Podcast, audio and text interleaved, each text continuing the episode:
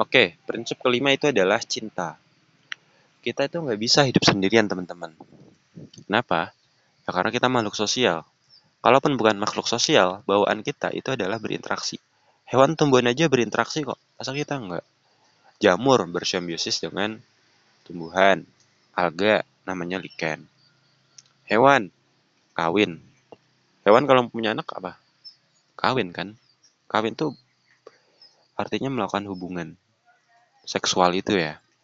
Kalau nikah itu kan lebih ke tata caranya untuk menghalalkan gitu. Kalau hewan kan nggak perlu nikah, ya udah langsung sembarang aja punya anak. Karena apa? Ya mereka nggak seperti kita yang punya warisan, punya budaya, punya pola pikir. Mereka cuma ya udah makan, punya anak, mati, udah gitu aja. Sesimpel itu. Tumbuhan pun juga. Yang penting mereka bisa bereproduksi, menghasilkan, mati, udah. Mereka juga nggak akan ditanya kok pertanggungjawaban di akhirat. Orang mereka nggak punya akal dan hati, ya kan? Kalau hewan mungkin punya hati ya, punya kecerdasan juga. Tapi kan nggak sehebat manusia gitu tapi manusia itu kan punya akal punya hati ya kan? Jadi termasuk cinta itu juga bisa dirasakan. Jomblo itu adalah salah satu orang sombong. Kenapa? Aku pernah baca quote-nya Sujiwo Tejo sebenarnya kenapa orang jomblo itu sombong karena dia merasa semuanya bisa dilakukan sendirian melakukan peradaban, melakukan suatu pekerjaan yang harusnya dilakukan bersama. Emang sekilas dia bisa sendiri, tapi mau sampai kapan?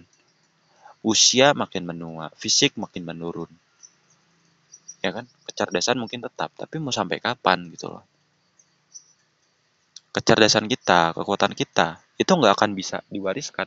Kalau kita nggak punya keturunan, mau gimana gimana pun, mau karya kita banyak, tapi kalau nggak ada garis keturunan ya nggak bisa.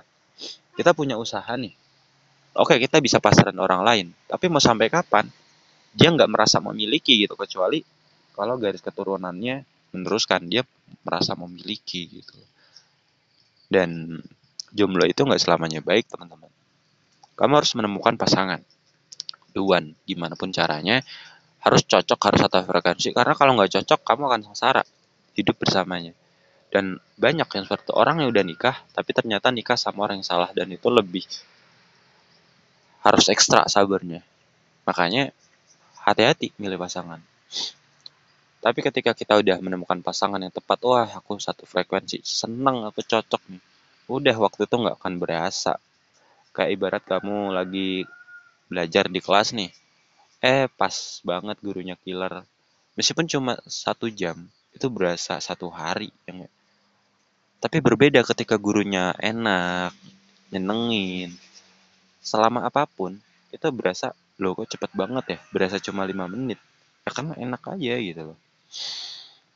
Jadi, kita itu harus bisa mencintai orang lain dan dicintai orang lain.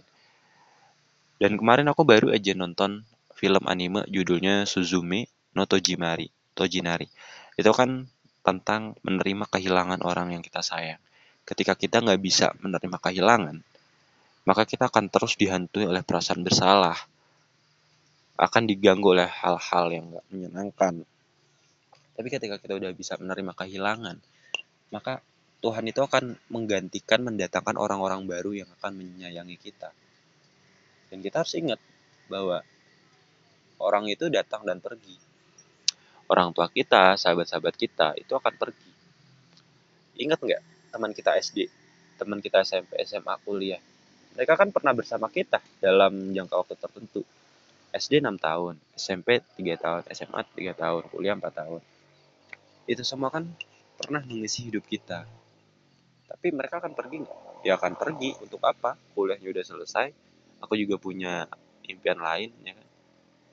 Semua hal itu terkait dengan itu. Jadi, belajarlah untuk mencintai orang lain, mencintai diri sendiri